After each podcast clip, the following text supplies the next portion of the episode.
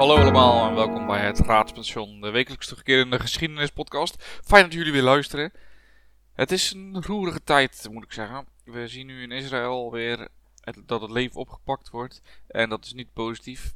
Vorig jaar november heb ik natuurlijk een, eh, een reeks gemaakt over het Midden-Oosten, hoe dat ontstaan is, in ieder geval de huidige verhoudingen. Daarin zit ook een stukje over Israël bij, in aflevering eh, 3.10.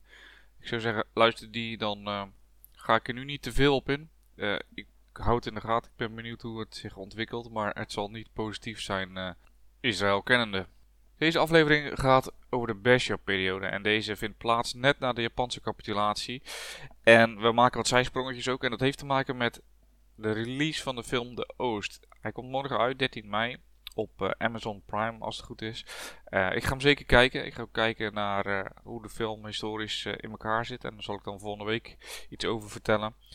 Als ik er iets zinnigs over kan vertellen, uiteraard. Maar er is wat aan de hand.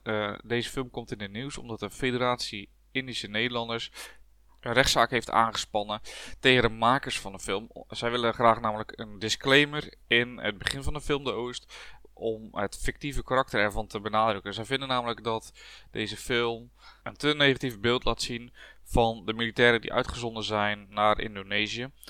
Er is natuurlijk ook al eerder een beetje controversie over de excuses van de koning aan Indonesië. Maar dit is eh, de vol- volgende klap eigenlijk in het gezicht van de Federatie van de Indische Nederlanders. En dat komt onder meer doordat in de trailer te zien was dat militairen, Nederlandse militairen afgebeeld zijn in zwarte uniformen. Dat de eh kneelkapitein een soort snor draagt die een beetje lijkt op eh, een Hitlersnor. Daarnaast wordt een gotische lettertype gebruikt wat ook weer verwijst naar Nazi-Duitsland. En het zorgde echt voor woedende eh, reacties onder de Indië-veteranen, Indische Nederlanders en Molukkers. En eigenlijk stellen zij, onze helden worden eigenlijk als nazi's weggezet. Het is een pure Nederlandse anti-propagandafilm. Nou, ik ben heel erg benieuwd hoe die film dan is als ik hem eh, ga kijken. En eh, nogmaals, ik zal dit eh, met jullie delen.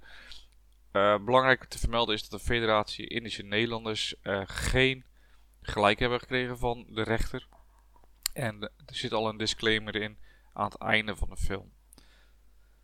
Genoeg even over de film. Laten we teruggaan naar het hoofdonderwerp. En dat is Indonesië.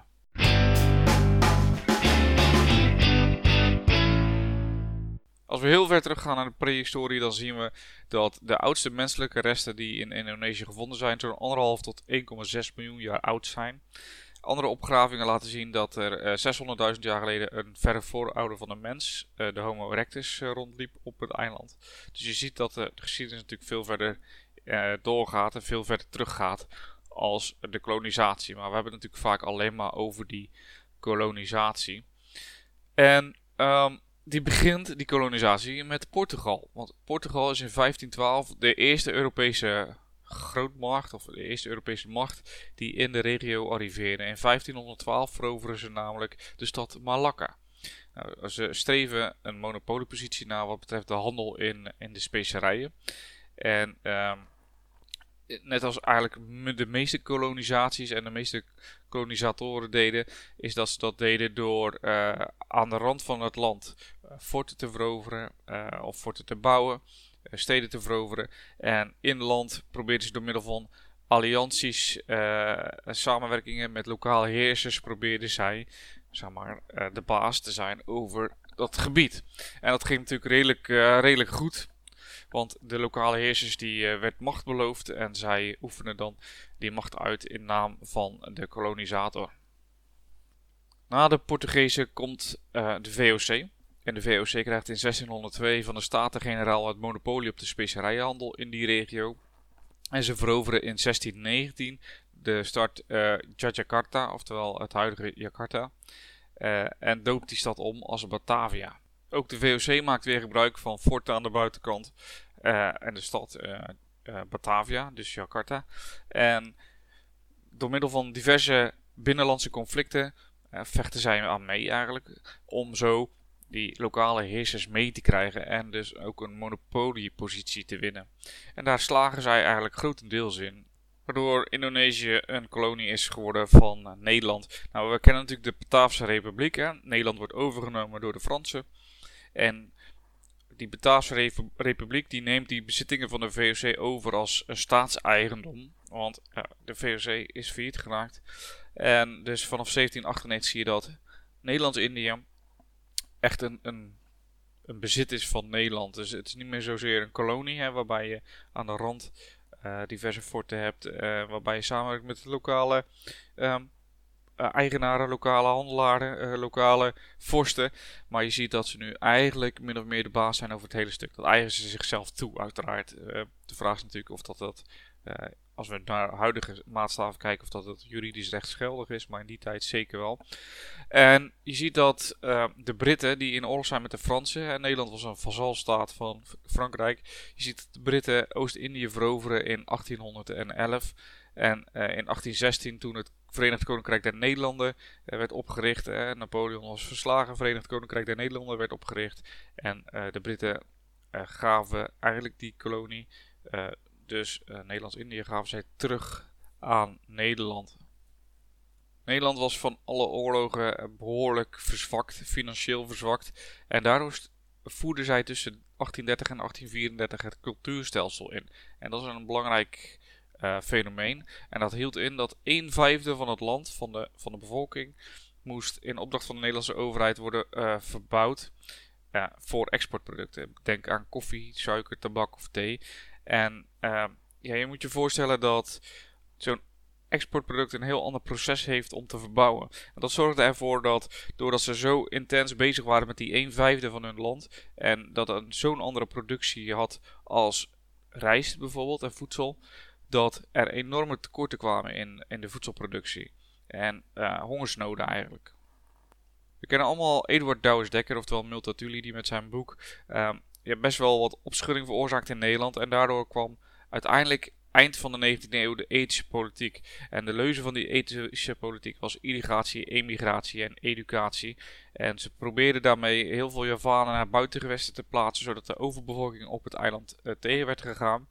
Uh, de rijstvelden werden beter geïrrigeerd, zodat uh, de landbouw efficiënter werd. En dat was natuurlijk handig voor de voedseltekorten. En natuurlijk educatie. Dat betekent dat ze de Javanen en de Indonesiërs uh, scholing aanboden. Ook in Europa overigens. Je ziet dat mede daardoor ook het nationalisme doordringt in Indonesië. En in 1908 en 1912 worden de eerste nationalistische bewegingen gemaakt. Nou, de Nederlanders reageren met repressieve maatregelen. En uh, de nationalistische leiders worden vaak vastgezet.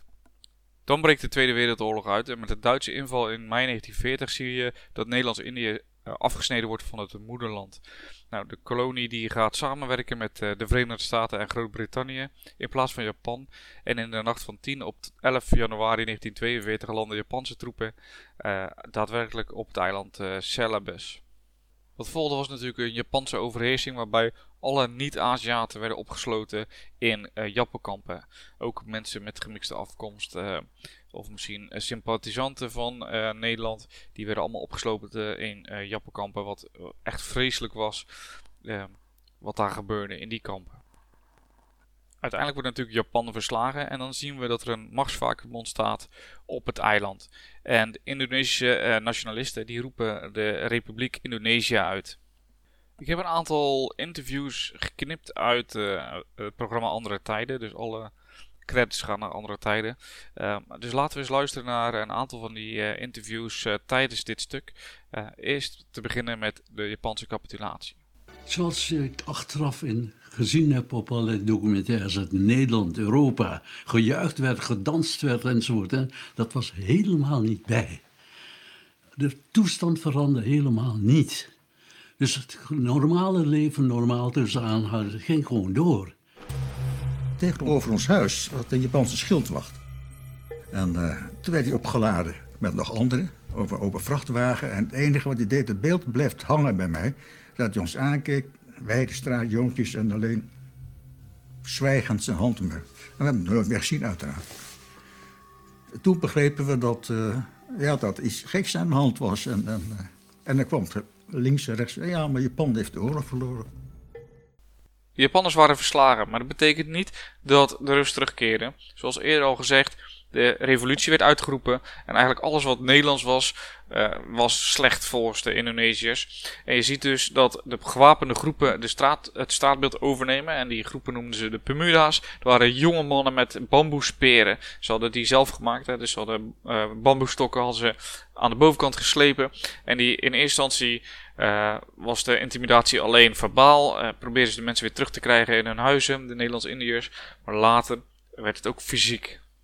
Schreven de jongens en zo van Bersiap en uh, Merdeka schreven ze dan weer vrijheid. En daar werden we wel angstig van natuurlijk. Hè.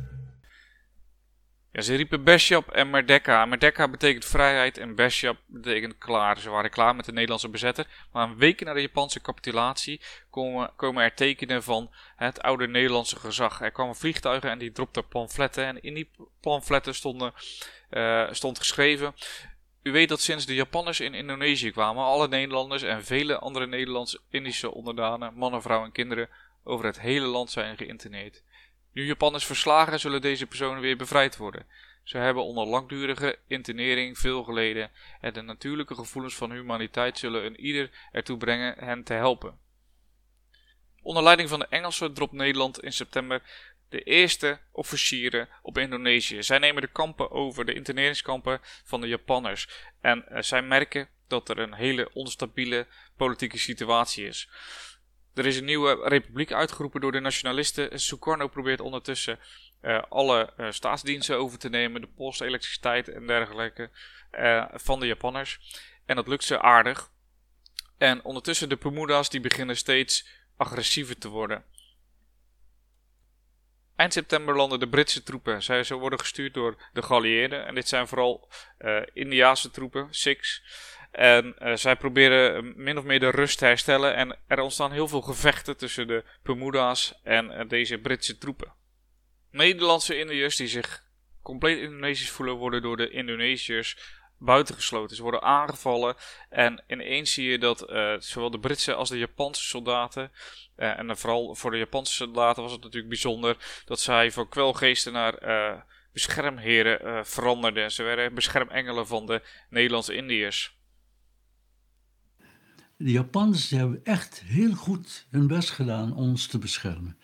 Want ik herinner me nog heel goed dat uh, op een dag, dat was tegen de avond, hoorde ik aan het eind van onze straat ongeveer, hoorde ik weer Bersiap roepen.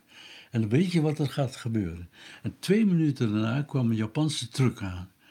En even daarna, misschien een minuut daarna, hoorde ik schieten. En met mitrailleurs, met geweer schieten. Het was stil, geen Bersiap meer die straks de Japanners weer terugkeren. Dus we werden echt beschermd door. Bescherming van deze Pemuda's waren ook echt nodig. Er gebeurden gruwelijkheden. Zo werden mensen onthoofd aan de lopende band.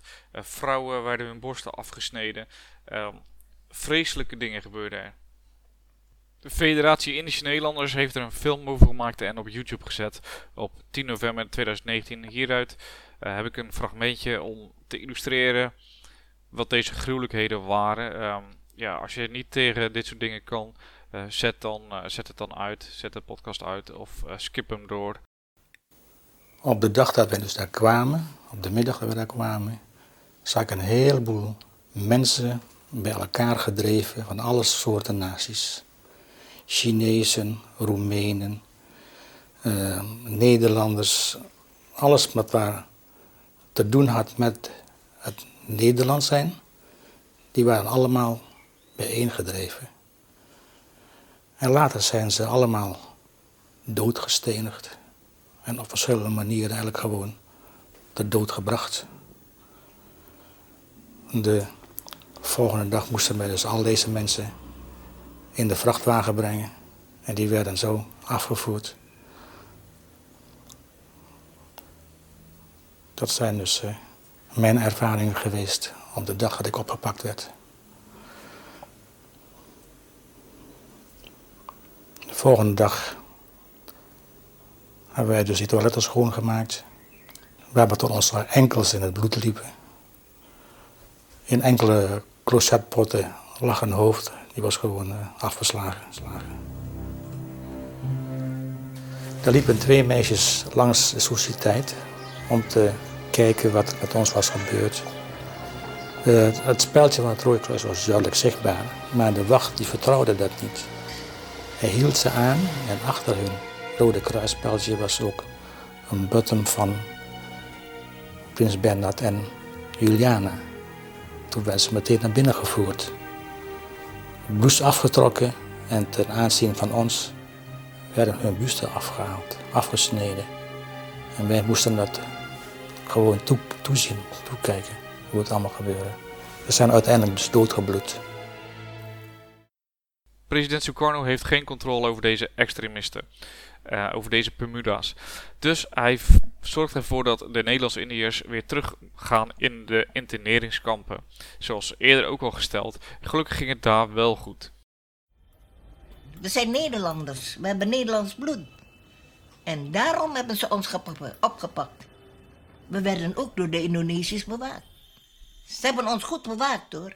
Want er is niets gebeurd uh, binnen het kamp. Maar we werden wel natuurlijk, misschien dat ze iets beraamd hebben, hebben ze ontdekt, daarom dat we over elke keer verplaatst worden. Dat was eigenlijk om ons te beschermen, maar dat wisten wij natuurlijk niet, omdat we andere dingen hebben gehoord.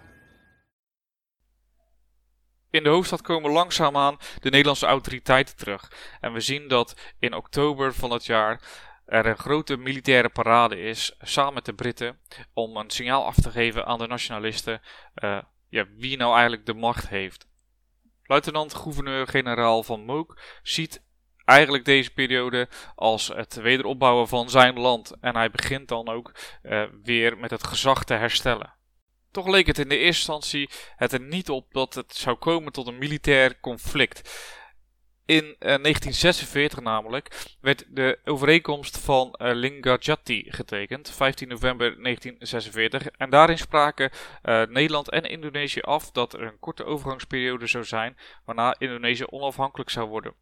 Die nieuwe staat zou een federatief karakter krijgen en via een Nederlands-Indische Unie verbonden blijven met Nederland. Uiteraard ja, ging, dat, ging die overeenkomst niet door.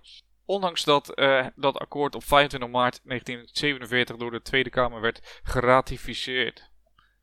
En het grappige was dat ze daarbij wel een aantal uh, bijstellingen uh, zetten in deze overeenkomst. En die bijstellingen werden dan weer niet door de Republiek geaccepteerd die, uh, je moet ook voorstellen dat die bijstellingen, dat dat eigenlijk min of meer een soort van het hele akkoord teniet deden. Uh, dus het was natuurlijk uh, min of meer een verwerping eigenlijk van het, uh, van het akkoord. Hoewel in 1947 beide partijen, dus de Nederland en de Republiek, deze overeenkomst wel ondertekenden op basis van agree to disagree, liet ze daarbij natuurlijk uh, elkaar vrij in de eigen interpretatie. Wat erop neerkwam dat er een akkoord was gesloten uh, die beide niet na wilden komen. Ook de Indonesische bevolking uh, ging voor de 100% Merdeka, oftewel 100% vrijheid. En liet zich dus ook niet door zo'n akkoord van de wijs brengen. En de Nederlandse, het Nederlandse leger, wat intussen was gearriveerd in, in Indonesië, probeerde de rust en de orde te herstellen. Dit ging volgens Nederland niet, niet snel genoeg. En Nederland streef er echt op korte termijn naar om het gezag uh, en de beveiliging van zijn onderdanen in Nederlands-Indië te herstellen. En, en, de republiek was eigenlijk min of meer, werd gezien ook als de vijand uh, gemaakt door Japan. En de president Sukarno was een collaborateur van Japan. Dit alles zorgde er eigenlijk voor dat een, een diplomatieke oplossing niet meer mogelijk was. En in juli 1946 vond dan ook een onderzoek plaats met de publieke opinie uh, van de publieke opinie met de vraag: Bent u het ermee eens dat onze soldaten naar Indië worden gezonden? Uh, de mannen antwoorden 50% met ja en 41% met nee. Bij de vrouwen was dat andersom. Dat was 36% ja en 44% met nee. Uh, de overige ondervraagden hadden uiteraard geen oordeel.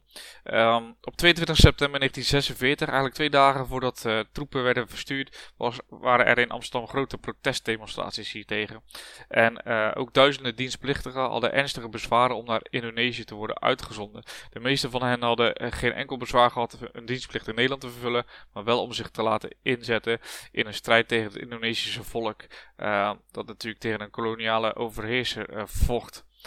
Um, het feit dat deze troepen gestuurd moesten worden, heeft ermee te maken dat de KNIL, hè, de Koninklijke Nederlands-Indië leger, in 1942 min of meer eh, was opgehouden te bestaan toen natuurlijk eh, de overgave aan Japan werd getekend.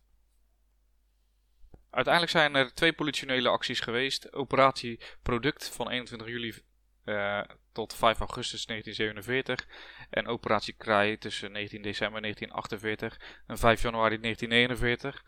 En over die periodes van de militaire acties, daar gaat dus de film uh, De Oost over. Uh, tijdens die politionele acties zouden er momenten zijn geweest waarbij buitensporig geweld is toegepast en massa-executies. Daar zijn ook studies over gedaan. Um, daar ga ik nu niet te veel op in. Ik ga eerst die film De Oost kijken en dan volgende week in de volgende podcast ga ik het hebben over dat stukje van onze geschiedenis. Ik hoop dat jullie dit uh, een interessant stuk vonden over de Bershia-periode, een zeer gewelddadige periode. Um, die eigenlijk nog niet de erkenning krijgt die hij misschien wel verdient. Die eigenlijk vooraf ging voor de politionele acties nadat Japan was verslagen.